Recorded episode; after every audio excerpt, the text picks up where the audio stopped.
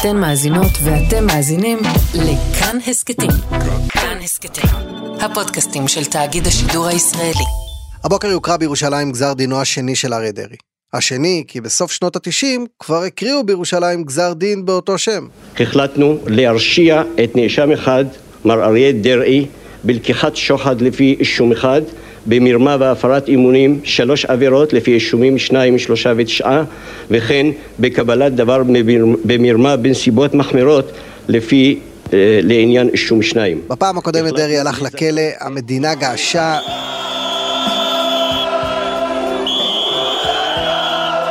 הש"סניקים צעקו שהוא זכאי, וש"ס טסה ל-17 מנדטים.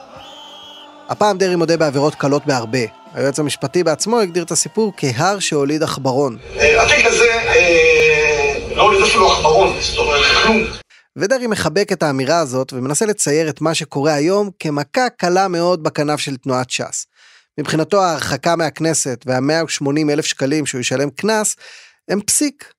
הוא מבחינתו כבר עמוק בתוך הקמפיין להפלת הממשלה, שמבחינתו זה מה שצריך לדבר עליו הבוקר. ממשלה שמרעיפה ילדים ומעלה מחירים, אין לה זכות קיום. ש"ס. שלום לך פרשננו יאיר רטינגר. שלום עקיבא. בוא נתחיל בשאלת היסוד, עד כמה זה אירוע דרמטי בתולדות ש"ס ואריה דרעי? אני לא חושב שהאירוע הזה הוא אירוע שמשנה את העולם, וגם לא משנה את ש"ס. דרעי נשאר יושב ראש, וממשיך בעצם לתפקד כמנהיג של ש"ס. היום דרעי הוא ש"ס, וש"ס היא דרעי. ביום שאחרי דרעי, ש"ס תיכנס באמת לעולם אחר לחלוטין, ודרעי עדיין בתמונה, דרעי עדיין יושב ראש ש"ס.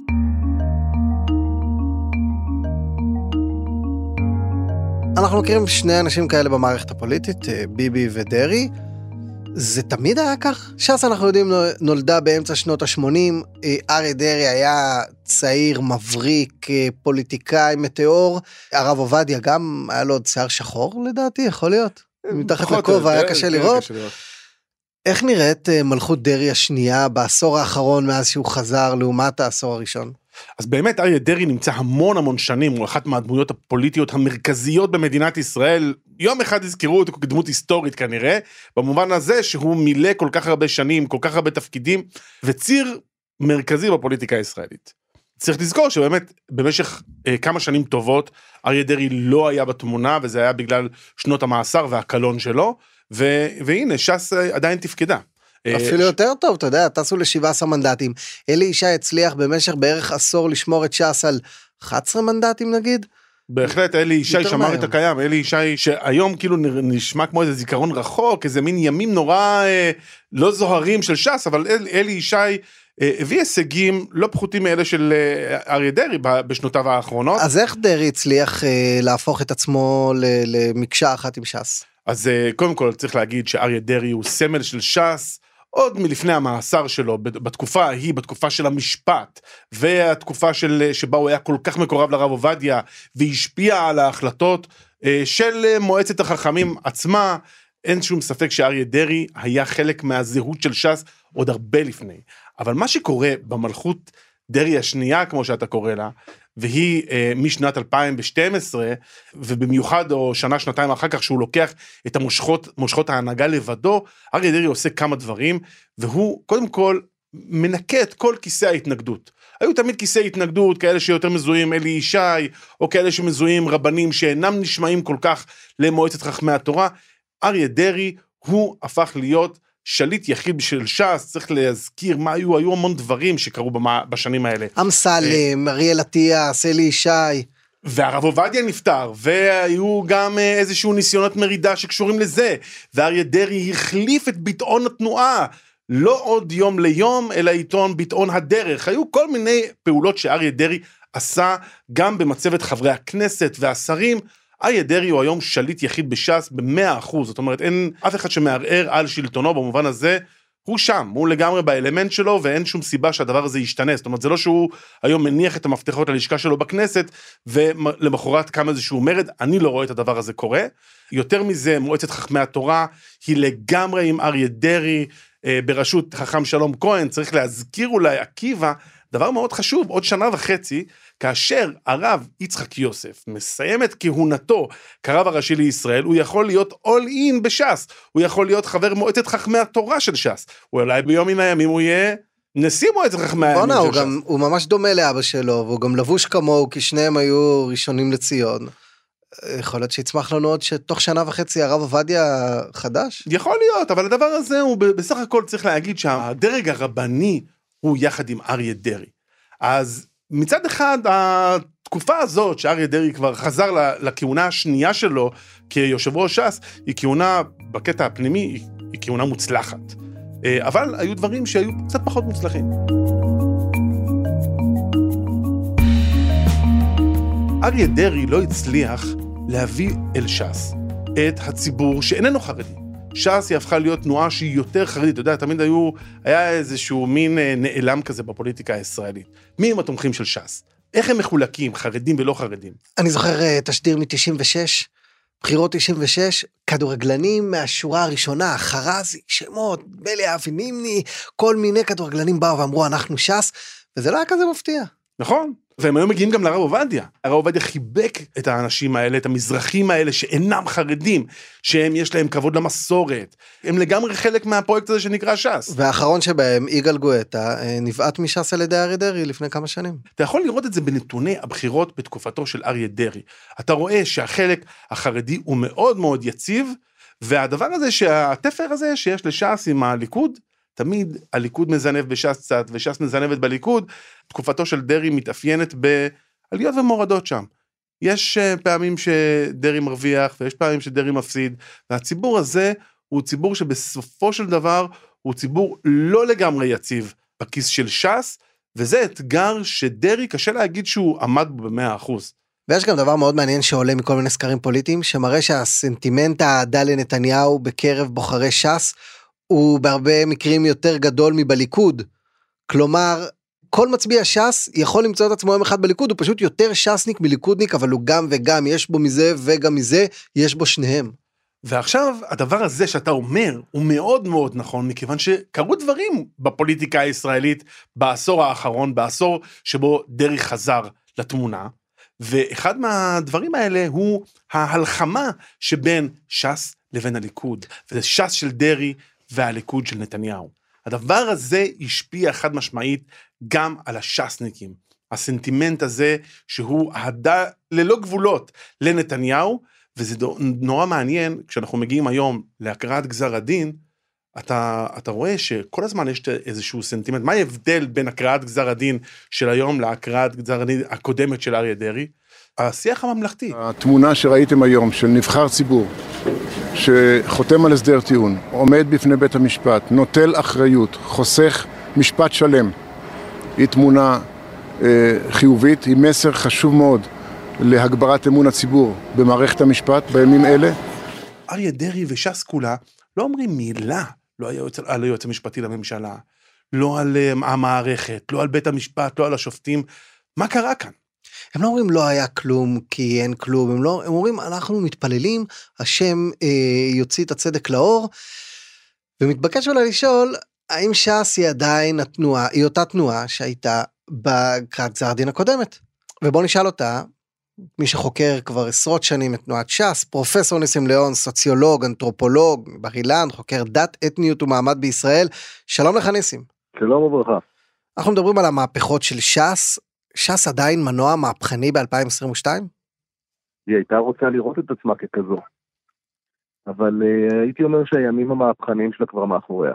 היא בעיקר היום תנועה שמייצגת מגזר לא קטן, מאוד uh, אפילו גדול, בחברה הישראלית, ובמידה רבה נושאת את ההיסטוריה המהפכנית, אנרגיה מהפכנית שבעבר, והיום הרבה זיכרונות על המהפכה שהייתה. אז ניסים, אם אנחנו רוצים להבין את האירוע שקורה עכשיו, אריה דרעי ממשיך להיות יושב ראש ש"ס, כמו שהוא היה בשמונה, תשע השנים האחרונות, אבל הוא כבר לא חבר כנסת והוא גם לא שר. האירוע הזה, כמה זה דרמטי? תראה, זה לא המצאה חדשה בפוליטיקה הישראלית, זאת אומרת שיכול להיות יושב ראש שהוא לא חבר כנסת, או כל מיני המצאות כאלה ואחרות. צריך לזכור שגם בכל הנוגע לחברה החרדית עצמה, אנחנו יודעים שבעלי הכוח לא תמיד הם אלה שיושבים בנציגות בכנסת, אפילו הרבה פעמים הפוך. ולכן מבחינה הזאת אני חושב שלדרעי אין, אה, זאת אומרת, מבחינתו לא יהיה הרבה בעיה להיות גם בפוזיציה שאנחנו תיארנו אותה פעם כרוצר פוליטי, כמי שמחזיק בכוח, בין אם מדובר בתוך כנסת, בין אם מדובר מחוץ לכנסת. דרעי נשאר דרעי. יכול להיות שמוקדם אה, לשאול את זה פרופסור ניסים ליאון, אבל אה, איך תיזכר המורשת של אריה דרעי? מה, ב- בשלושה משפטים אם נצטרך עוד 20 שנה, איך לדעתך יתארו אותו? תראה, בסופו של דבר אנחנו, מדובר באדם שהוא עוד בשיא כוחו. אני חושב שממה שאנחנו למדנו עד היום הוא אחד ממייסדיה של תנועה היסטורית משמעותית בחברה הישראלית. לא כולם אוהבים את התנועה הזו, אבל זו תנועה שהצליחה להתבסס ולפרוץ, ושמע, היא קיימת כבר היום קרוב ל-40 שנה. בשנת 2024 אנחנו נמנה 40 שנה לקיומה של תנועת ש"ס. ודרעי היה שם מההתחלה, זאת אומרת, מדברים פה על ארבעה עשורים של uh, להיות חלק מהתנועה הזו, חלק מהמפלגה הזאת. אולי מתוכם קרוב לעשור היה, אפשר לקרוא לזה בגלות, כן? אבל בכל זאת, uh, דמותו כל הזמן הייתה ברקע. אז זה דבר אחד, כך יזכרו אותו, כאחד ממייסדיה של ש"ס. דבר שני, יזכרו אותו כפוליטיקאי על, כלומר כאחד שהראה שאכן הפוליטיקה היא האמנות האפשרי מהבחינה הזו, באמת אה, פוליטיקאי שאנחנו לא זוכרים הרבה בתוך המערכת הפוליטית, היה כמעט בכל צומת היסטורי בשנים האחרונות, בוודאי בעשורים האחרונים, חלק מהם הוא רוצה לזכור, חלק מהם הוא פחות רוצה לזכור. נזכור למשל את אוסלו, אנחנו נזכור את צמתים כמו למשל אה, התמיכה בנתניהו, כלומר בצמתים שונים בתוך התפתחותה של החברה הישראלית, בהחלט הוא היה שם. אני הייתי נורא שמח לקרוא את האוטוביוגרפיה שלו, אבל שהוא כותב. את הזיכרונות שלו. כי את הביוגרפיה של ש"ס בימינו, אתה כתבת יחד עם אחד, יאיר רטינגר, היא נקראת באין רואה. אני מכיר אותו, כן. כן, והיא עוסקת בש"ס וההנהגה החרדית אה, מזרחית אחרי עידן הרב עובדיה. מאיזה בריכה לדעתך ש"ס שותה היום בקלפי? ולמה היא לא משחזרת את ה-17 מנדטים שהיום אמורים להיות מי יודע כמה? אז תראה, ש"ס לא מצליחה לחזור ל-17 מנדטים מסיבה מאוד פשוטה, משום שאנחנו היום חווים את הריאקציה לש"ס. והריאקציה לש"ס הייתה באמצעות השיקום או ההשתקמות של מעמד ביניים מזרחי. זה מה שלא היה בשנות ה-90. שנות ה-90 היו שיא החסימה של מזרחים בצמתים שונים בחברה הישראלית. וכשש"ס מגיעה ל-17 מנדטים ב-99, ואני מזכיר שהיא הייתה מרחק אני חושב 2,000 קולות מהמנדט ה-18, ש"ס הכניסה להלם את מעמד הביניים הגבוה בישראל. והייתי אומר שמאותו רגע, אני לא יודע אם בגלל זה או בזכות זה, תהליכי ההנגשה, נניח להשכלה גבוהה, מוסרים החסמים, והולך ומתפתח אה, מעמד ביניים מזרחי, תוסס, צעיר, מול הכולל שש"ס אחראית לו מוקמת המכללה, וזה הבלוק, הייתי אומר, שחוסם, הבלוק האלקטורלי, במידה רבה, שחוסם את ש"ס מלהחזיר את העטרה ליושנה האלקטורלית שלה. זה לא אומר שאם לא יהיה מחר משבר כלכלי משמעותי באותו מעמד ביניים, לא תהיה חזרה לש"ס. אנחנו נמצאים בשבוע שנפתח בסרטון שדרעי משחרר לרשת, סרטון שמדבר על uh, מצוקתם של אה, השכבות החלשות מול אה, מיסים שמעלה הממשלה. אמא, בוא ניקח את עמית ליום הולדת. וואו, וואו, זה ממש ממש יקר. אני כרגע לא יכולה לקנות את זה. המחירים של ליברמן. ובהמשך אותו שבוע אנחנו יודעים שהנה מוקרא עכשיו גזר הדין של אה, דרעי. אתה מוצא קשר בין האירועים האלה? כן, תראה, דרעי רוצה להראות שהוא עדיין אה, מושך בחוטים. שהוא עדיין המבוגר האחראי, שמנסה לקחת תחת חסותו את הציבור אה, המוחלש בישראל. בוודאי הוא מסתכל הלאה, לכיוון הקמפיין הבא. אבל כשאתה כן. מדבר על העניין הזה שדרעי רוצה למצב את עצמו, נדמה לי שפה יש גם, לא כישלון של דרעי, אבל אי הצלחה. דרעי לא הצליח להביא לש"ס כמויות אדירות של מסורתיים. הסיפור של המסורתיים הוא היה מאוד מאוד לא יציב לאורך שנות אה, שלטונו האחרונות של דרעי. הלכו לליכוד. הלכו לליכוד, תמיד התחרות הייתה מול הליכוד, והרבה מהם לא חזרו, פשוט לא חזרו. תראה, עוד פעם, הסיפור של המסורתיים הוא קשור במה שאני מכנה מעמד ביניים מזרחי. אנחנו פשוט דיברנו עליהם במשך שנים תחת התג הדתי. אבל הציבור המסורתי הוא לא עשוי מאור אחד. לא כולם מה שנקרא, אתה יודע, מסורתי זה אחד שהולך לבית כנסת, או אני יודע מה, אה, מדליק נרות, או מה שזה לא יהיה. מדובר בציבור מאוד מגוון. אגב, אם בשנות ה-90, שנות השיא של ש"ס, אנחנו דיברנו על המסורתיים יותר בתוך הפרספקטיבה הדתית, אנחנו צריכים לזכור שבעשור הנוכחי, אנחנו מדברים יותר על מסורתיים דווקא בפרספקטיבה החילונית. זאת אומרת, אה, המסורתיים של העשור הנוכחי זה לא המסורתיים של שנות ה-90. ופה איזה, אנחנו צריכים לשנות איזה דיסקט ביחס למושג הזה מסורתיים. ואני לא בטוח שדרעי וש"ס גם מבינים את זה מספיק. פרופסור ניסים ליאון, אה, חוקר ש"ס, אתניות, אה, דתיות, סוציולוג, אנתרופולוג, בר אילן, תודה רבה לך. תודה לכם. תודה ניסים. ביי ביי. והשבוע, עם או בלי קשר לאירועי גזר הדין אה, בבית המשפט, ש"ס ברשתות החברתיות חוזרת לעשות קולות של ש"ס החברתית וש"ס של העניים. אמא, בואי ניקח במקום מי צלחות למה... לממתקים. אבל מי קונה במחירים האלה צלחות חד פעמי? זה פשוט מחירים שהצטער את חיים שלי. וכשהאימא מבינה שאין לה כסף, היא שולפת את הכרטיס של אריה דרעי. קחי, תבדקי לי כמה נשאר שם. כרטיסים של דרעי? אין לנו כאלה, ממי.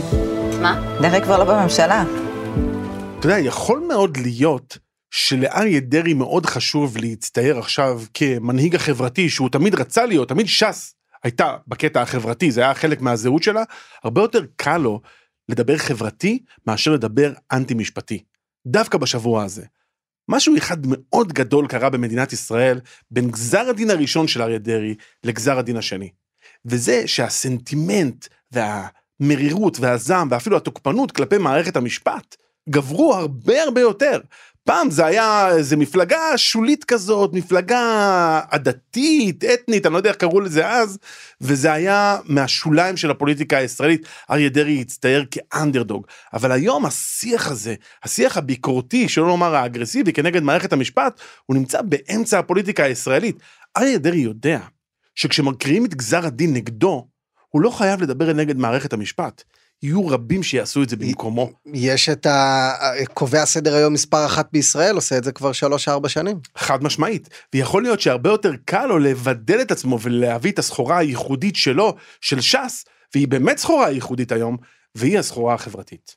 וקורה פה עוד משהו מאוד מעניין, אני לא חושב שלקהל היעד צאן מרעיתו של דרעי מפריע שהוא מצייץ את הסרטונים ואת הקמפיין הזה מאתר נופש יוקרתי בשוויץ, מלון של אלף דולר ללילה.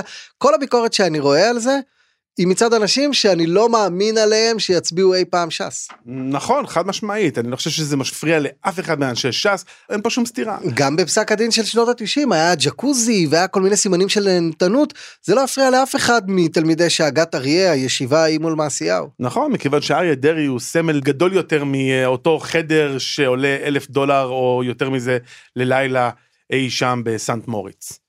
אבל יכול להיות עקיבא שעל הסרטון הזה צריך להסתכל לא דרך הזעזועים בש"ס, אלא דווקא דרך הזעזועים בליכוד. הרי אריה דרעי אמרנו שהוא לא הצליח להביא את המוני הלא חרדים לש"ס בתקופתו השנייה, הוא לא הצליח להביא אותם. ואולי דווקא עכשיו זו שעת כושר בגלל מה שקורה בליכוד יותר מאשר במה שקורה לש"ס. מה? מכיוון ש... אם אנחנו מדברים על האזור החיץ הזה, אזור הפעפוע הזה שבין הליכוד לש"ס, ש"ס והליכוד, יכול להיות שעכשיו הליכוד, אחרי תקופת נתניהו, אולי הוא הולך לאיזושהי הנהגה שהיא הרבה פחות אטרקטיבית מבחינתו של ציבור מזרחי, ואולי הציבור המזרחי הזה שכן יחפש את המסר, גם את התוכן החברתי, אולי הוא שוב ימצא בית בש"ס. ויכול להיות שאריה דרעי מזהה את הנקודה הזאת, וזאת הנקודה שבה צריך לשחרר איזשהו סרטון בהיבט הזה. כי נתניהו הרי מזרחי. לא רק יש לו גן מזרחי, הוא גם סוציולוגית, הוא מנהיג של ציבור מזרחי. אבל ישראל כץ ויולי אדלשטיין וניר ברקת, שאלה השלושה שכבר הודיעו שהם אה, מתמודדים אחריו, הם מאוד אשכנזיים. וכולם בסקרים מביאים הרבה פחות מנתניהו. לאן הולכים כל האנשים האלה שמצביעים לנתניהו ולא מצביעים ליולי אדלשטיין? אז uh, אני אגיד לך. אולי לאריה דרעי. אולי לאריה דרעי, ואולי לסמוטריץ'. מכיוון שיש כאן גם, יש כאן איזשהו, יש תמיד כמה מפלגות שמתחרות עם ש"ס מימין ומשמאל. אפשר לעקוב אחרי נתוני בחירות, נתונים של קלפיות, נתונים של יישובים, ואתה רואה מקומות שבהם ש"ס הייתה פעם ראשונה, ואז איבדה את הבכורה לליכוד. ואז ממש בבחירות האחרונות, אתה רואה שבבחירות לכנסת ה-24 אתה רואה שפתאום יש שחקן נוסף בשלישייה הפותחת וזה סמוטריץ'. סמוטריץ', במיוחד סמוטריץ' בן גביר, הם מאוד קוסמים לחלק מהאוכלוסייה שבעבר אולי תמכה בש"ס, אולי, אולי שוקלת לתמוך בליכוד. זו אוכלוסייה, נוביק, שהיא רואה בעצמה אוכלוסייה שרואה בהצבעה שלה הצבעה של מחאה. מחאה נגד הכוח, מחאה נגד האליטות, מחאה נגד החוק, נגד מערכת המשפט. כל הדברים האלה זה, זה, זה כמה מנדטים שאני לא יודע לכמת אותם, אבל כמה מנדטים שהם נודדים בין המפלגות האלה, ומאוד מאוד מעניין מה יקרה איתם אחרי המהלכים הקרובים שקורים בפוליטיקה גם החרדית וגם בליכוד. ואולי הסרטון הזה הוא לא רק מול הליכוד, הוא גם מול בן גביר. יכול להיות, אבל בשביל להתמודד עם בן גביר, שבן גביר הוא באמת לא ממלכתי, ואריה דרעי, שים לב שבשנים האחרונות, אריה דרעי הוא מאוד מאוד ממלכתי. הוא המבוגר האחראי, ובן גביר הוא ממש בדיוק הילד הפרוע שלא מעוניין בסדר הזה שאריה דרעי רוצה, הוא רוצה לצעוק נגד מערכת המשפט, ואריה דרעי רוצה לשתוק. וזה מאוד מאוד מעניין מה יקרה שם, בתפר הזה, בבחירות הבאות. ואני חייב בסוגריים להעיר, לאריה דרעי יש את אחד הנכסים הכי חשובים למי שרוצה להיות ממלכתי, הרייש הזאת. שהיא הולכת ונכחדת, ואני מבכה את זה שאריה דרעי כבר לא יהיה בכנסת, כי לא יהיה לנו עוד רייש כזאת.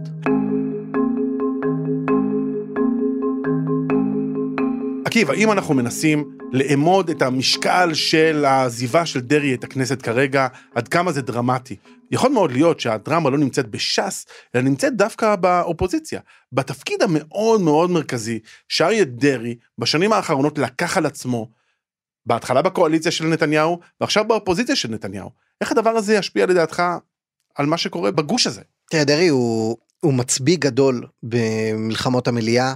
הוא בוגר אה, שנות ה-80 של הפוליטיקה, יש מעטים מאוד מאוד בכנסת שהגיעו בשנות ה-80, כולם באופוזיציה. זה נתניהו, זה צחי הנגבי, משה גפני, אריה דרעי היה כבר אה, מנכ"ל משרד וכולי.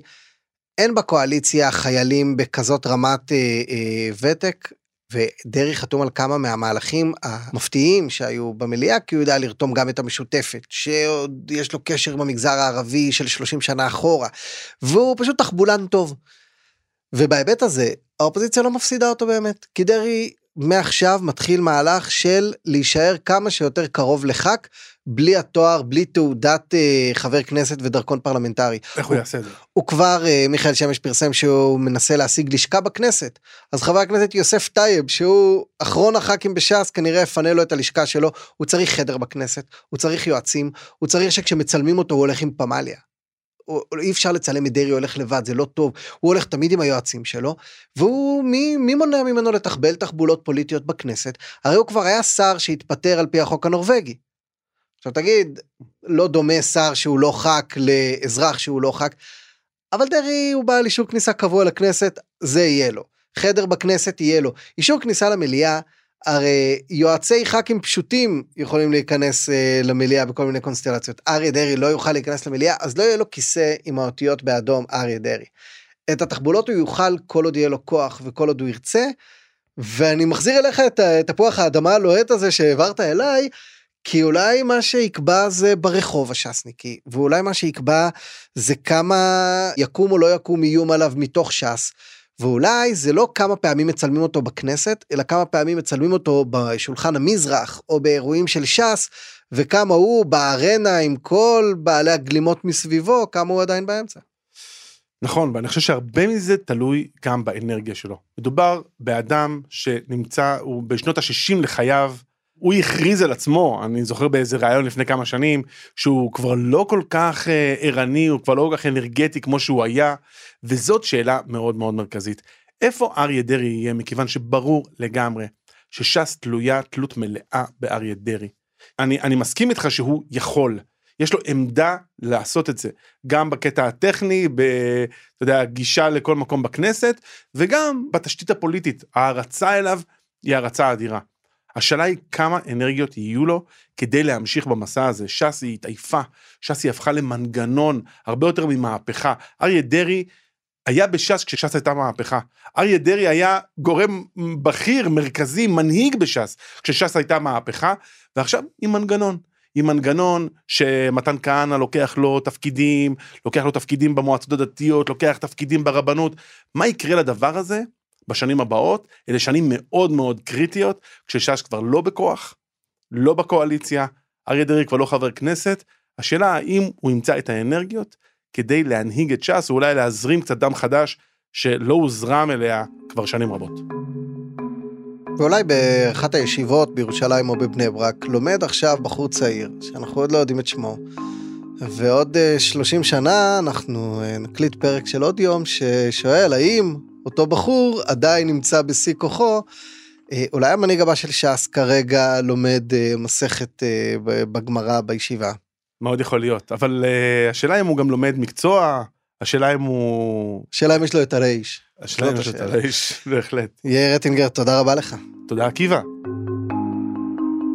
ותודה לכם שהאזנתם, תודה לדניאל אופיר שערך והפיק את הפרק הזה, בעזרת יותם רוזנבלד, איש צוות עוד יום, תודה לרחל רפאלי שעשתה עיצוב קול ומיקס, תודה לרמי פליקס, ידידנו על הביצוע הטכני.